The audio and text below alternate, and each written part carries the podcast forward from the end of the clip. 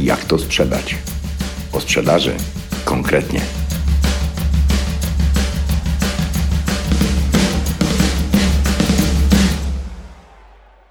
Ten podcast jest o czymś więcej niż o biznesie, o sprzedaży, o marżach, o klientach, konkurencji.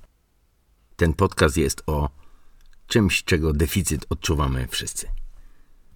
Ten podcast jest o zaufaniu. Wszyscy chcą sprzedawać. Wszyscy chcą, sprzedając, budować relacje. Relacje, relacje, relacje. Co to są relacje? To nie z powodu relacji, nawet dobrych. Ludzie współpracują ze sobą, ludzie i firmy współpracują ze sobą latami.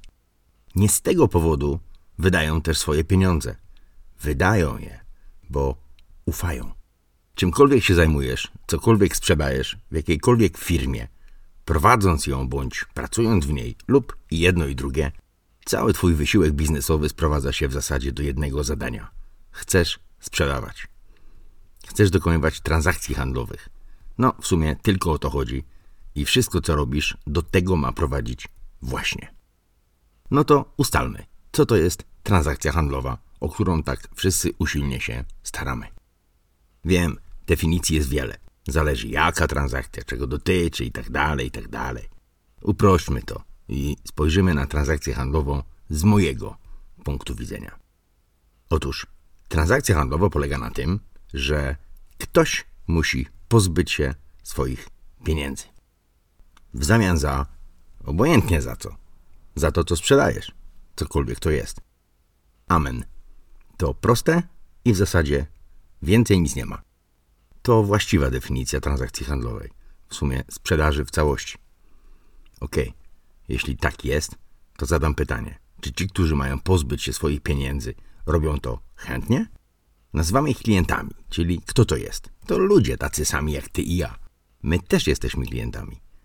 Czy ludzie łatwo pozbywają się swoich pieniędzy? Czy ty łatwo pozbywasz się swoich pieniędzy? Czy raczej my wszyscy kombinujemy, jak tu wydać mniej, lub może wcale nie wydawać? A jeśli już, to czy kupić to, a może gdzie indziej, a może od handlowca tego lub innego, którego znamy, lub nam polecono, albo nie, kupimy w internecie, będzie taniej. No tak, ale czy to na pewno będzie to samo, co ma ten handlowiec? Hmm. Jeśli jesteśmy na etapie wyboru firmy, dostawcy czegoś, to albo kogoś mamy, kogoś zaufanego, a jeśli nie, to może ktoś nam poleci dobrego, zaufanego dostawcę. A jeśli dalej nic, to co? Robimy przetarg, konkurs jakiś, zapytanie do pięciu firm wyślemy i zobaczymy. Kogoś wybierzemy.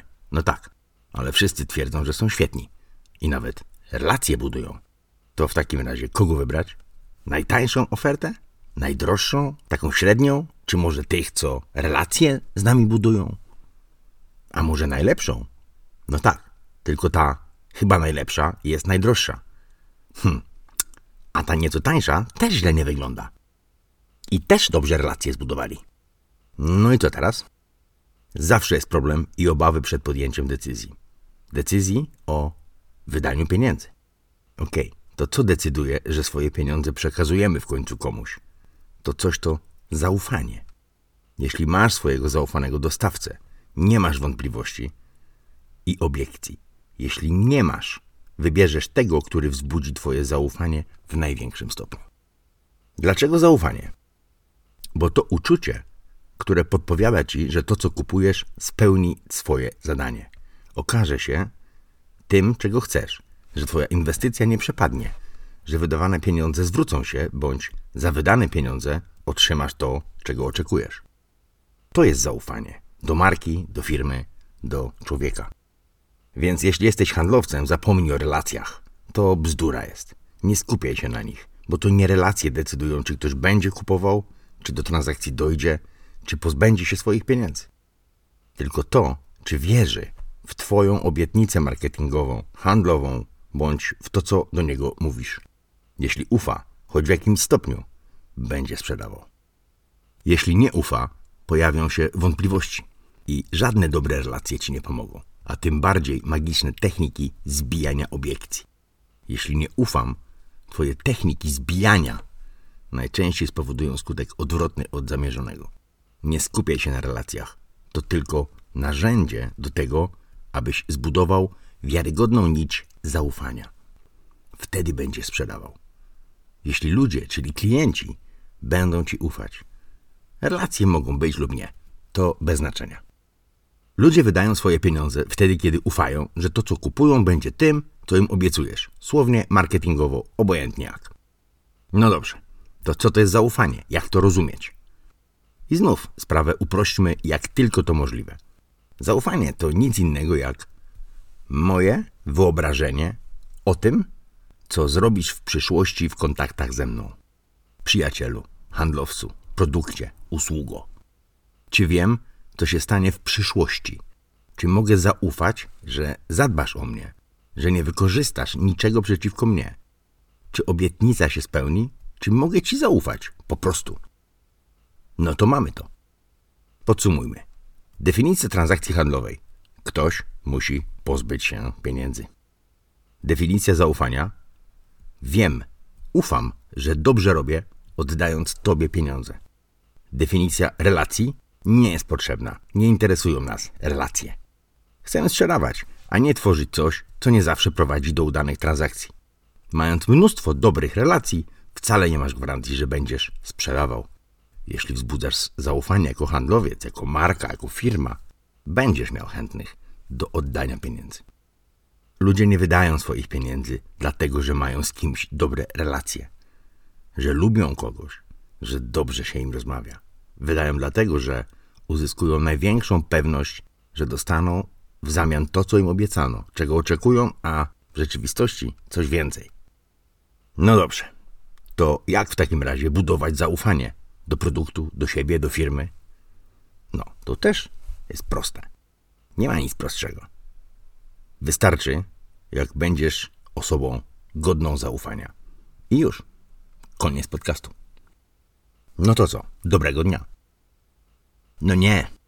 Takie proste to nie jest. No nie do końca. Zwłaszcza jeśli rozmawiasz z kimś po raz pierwszy. A przecież zdarza się to często. Żeby pozyskiwać klientów, należy się z nimi komunikować, a tu właśnie element zaufania staje się kluczowy. Jak w takim razie komunikować się, aby przynajmniej od początku być postrzeganym jako osoba, firma godna zaufania? Aby dać sobie szansę na to, że ktoś zaufa, powierzy i zdecyduje, aby wydać swoje pieniądze właśnie u ciebie. Zleci usługę twojej firmie. Tu nie ma uniwersalnego sposobu, który zawsze da pożądany efekt. Mamy do czynienia z normalnymi ludźmi, pełnymi obaw, lęków i wątpliwości, czyli nieufności. Bo jak zaufać obcej osobie? Uczucie zaufania może pojawić się z czasem, czasami, a czasami nie. Co w takim razie może decydować? Jak sobie pomóc, aby sprawiać, aby obcy ludzie w trakcie rozmów handlowych, w trakcie składania propozycji, ofert, zaczęli ufać? Przedstawię to w postaci siedmiu punktów, na których powinieneś się skupić. Wygląda to banalnie, jednak zaufaj proszę. Hm, zaufaj, właśnie. To działa. To lekarstwo na obawy, wątpliwości, lęki Twoich klientów. Od tego, jak skutecznie, konsekwentnie i kreatywnie będziesz to stosował, zależy, jak bardzo pomoże w kontaktach z nowymi klientami. Punkt pierwszy będzie za chwilę. Najpierw punkt zero. Najważniejszy, krytyczny wręcz. I tego punktu nigdy nie zapomnij. Posłuchaj. Wszyscy twoi klienci, obecni, byli, a zwłaszcza ci przyszli, potencjalni, to egoiści. Egoiści, dokładnie tacy sami jak ty, jak każdy z nas. Każdego egoistę interesuje tylko i wyłącznie jego własny interes, jego punkt widzenia, jego racja i jego zdanie. Egoista myśli swoimi kryteriami, które sprowadzają się do jednego do nadmiernej miłości do siebie. Dlatego kieruje się własnym dobrem i interesem, nie zwracając uwagi na potrzeby i oczekiwania innych. To jest egoista i każdy nim jest, jeśli ma wydać swoje pieniądze, jeśli ma coś kupić, bądź z kimś nawiązać współpracę, zlecić coś biznesowego. Wtedy każdy jest egoistą. To ciekawe, ale podlegamy temu wszyscy, również ci, którzy egoistami nie są prywatnie. W biznesie, jeśli tylko mają coś kupić, automatycznie włącza się tryb egoista. I to zupełnie normalny stan. Ty też tak masz. Przeciwieństwem egoisty jest altruista. Ale wyobrażasz sobie, żeby ktoś prowadzący firmę nim był? Żeby jakiś klient kupując cokolwiek był altruistą? I zwracał uwagę na Twoje potrzeby, handlowcu, zamiast pilnować swoich pieniędzy? Przecież to brzmi zabawnie. Jak więc rozmawiać, komunikować się z egoistami? To łatwiejsze niż się wydaje. Wystarczy skupić się na interesie egoisty. Tylko i wyłącznie na tym, co egoista może zyskać. Zamiast stać naprzeciwko jako handlowiec, stań obok egoisty i pokaż mu, że zależy ci na tym samym, na jego interesie. Proste. Problem w tym, że my jako handlowcy też jesteśmy egoistami i dbamy o swój interes, aby sprzedać, aby sprzedać. I to jest błąd. Punkt zero. Z egoistą, przepraszam, z klientami rozmawiaj tylko i wyłącznie o nich.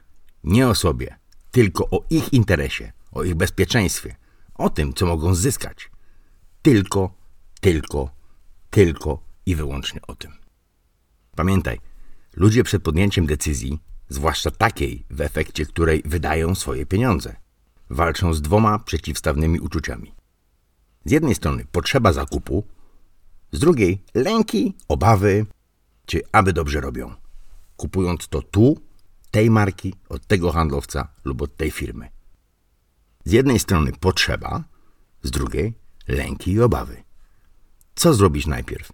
Do którego uczucia najpierw się skierujesz?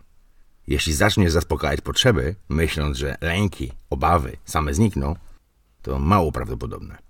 Rodzą się wątpliwości, a wątpliwości rodzą obiekcje i niepewność, czyli nieufność. Zanim zacznie sprzedawać, usuń lęki i obawy, zapobiegając tym samym późniejszym kłopotom. Punkt zero. Powtórzę. Do egoisty mów, pisz, komunikuj się w taki sposób, w jaki chce tego egoista, czyli tylko o nim, o jego zyskach i tylko o nim. Ok, punkt zero za nami. Skoro wiemy, że rozmawiamy z egoistami, dalej sprawa potoczy się już prosto. Punkt pierwszy. Spójność celów oraz intencji. Co to znaczy? Miej zawsze spójne cele z klientami. Ale ostrożnie z tym. To, że ty chcesz sprzedać, a ktoś być może chce kupić, to nie jest to. To nie są spójne cele i intencje. To wręcz przeciwnie. Spójność intencji i celów to na przykład to, co klient chce osiągnąć dzięki temu, co sprzedajesz. I pokaż to otwarcie, że zależy ci właśnie na tym samym, co jemu. Nie na sprzedaży tu i teraz, tylko na tym, na czym zależy klientowi. Nawet jeśli tego nie mówi, a raczej przede wszystkim wtedy. Jeśli sprzedajesz usługi marketingowe, nie opowiadaj o tym, jaki dobry jesteś w prowadzeniu kampanii od 10, 12 czy tam iluś lat. Mów i pisz tylko o tym, co może z nich wynikać dla klienta konkretnie dla tego konkretnego klienta. Pokazuj na wszelkie możliwe sposoby, że zależy Ci na tym samym, na czym zależy Twojemu klientowi i zanim zaczniesz sprzedawać, ustal właśnie to, na czym jemu zależy. Dowiedz się, dlaczego chce to kupić, odkryj powody i jego intencje, cele i na tym się skup. Tylko na tym. Jeśli sprzedajesz płytki ceramiczne, łazienkowe i rozmawiasz z klientem, ponieważ pyta o płytki ceramiczne, łazienkowe, to nie płytki są celem. Celem jest łazienka. I o niej mów. Jeśli tworzysz strony internetowe i masz klientów dopytujących o stronę, zaufaj. Nie chodzi tu o stronę, tylko o to, co ma z niej wynikać. Z tej strony dla klienta. I o tym rozmawiaj. Jeśli sprzedajesz produkty premium, dajmy na to zegarki, nikt nie chce kupować zegarków premium, aby mierzyły mu czas. Kupują efekt posiadania drugiego zegarka i to im sprzedawaj, nie zegarek. To samo jest z samochodami, mieszkaniami, odzieżą oraz wszelakimi usługami postrzeganymi jako premium. Pamiętaj, tylko premium dla różnych ludzi może coś innego znaczyć. Określenie, odkrycie faktycznych celów klienta stawia cię w zupełnie innej sytuacji. W książce Nie każdemu sprzedasz wszystko, co zechcesz, opisałem historię pewnego kontraktu. na świadczenie usług utrzymania czystości. Wycenianego przez kilkunastu oferentów w okolicach 10 tysięcy złotych. Skoro wszyscy tak wyceniali, to tyle był wart. Ale okazało się, że klient, wysyłając zapytanie, miał na myśli to, co napisał, ale gdzieś głęboko wewnątrz chodziło o coś innego, zupełnie innego. Tylko tego nie napisał. Odkrycie tego właśnie spowodowało, że zawarliśmy kontrakt na niecałe 30 tysięcy złotych. I co? I nic. Wszyscy zadowoleni, a klient najbardziej. Czy to możliwe zawsze i z każdym?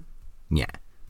Ale zawsze i z każdym próbuj tego właśnie, a nieograniczone możliwości zaczną się otwierać. Inaczej tracisz szansę na rzeczy wyjątkowe. Punkt drugi. Trwałość. Ciałem, gestem, czynem, słowem, wszystkim co masz. Pokaż, że zależy ci na trwałej współpracy. Że nie jest twoim celem jednorazowy strzał i zaraz dasz nogę do innych klientów. Powiedz to chociażby, że zależy ci na współpracy trwającej dłużej niż do wystawienia faktury. Okej, okay, to proste. Jeśli świadczysz usługi w dłuższym terminie, a co jeśli sprzedajesz wanny z hydromasażem albo nieruchomości lub coś innego, co zdarza się raz na jakiś czas? Hm, w sumie to jeszcze łatwiejsze. Nazywam to tak. Indukuj polecenia. Indukuj dobre zdarzenia przyszłe. Fakt, że zależy ci na opinii klienta, egoisty, stawia cię w zupełnie innym miejscu. Po prostu daj znak, powiedz, napisz, że chciałbyś w taki sposób przeprowadzić transakcję, aby móc się tym chwalić.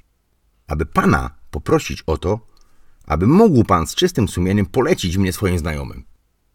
Buduj odczucie, że zależy ci na trwałej relacji, że zależy ci na tym, co będzie po sprzedaży. Celuj w długi dystans i powiedz to. Punkt trzeci. Wiarygodność.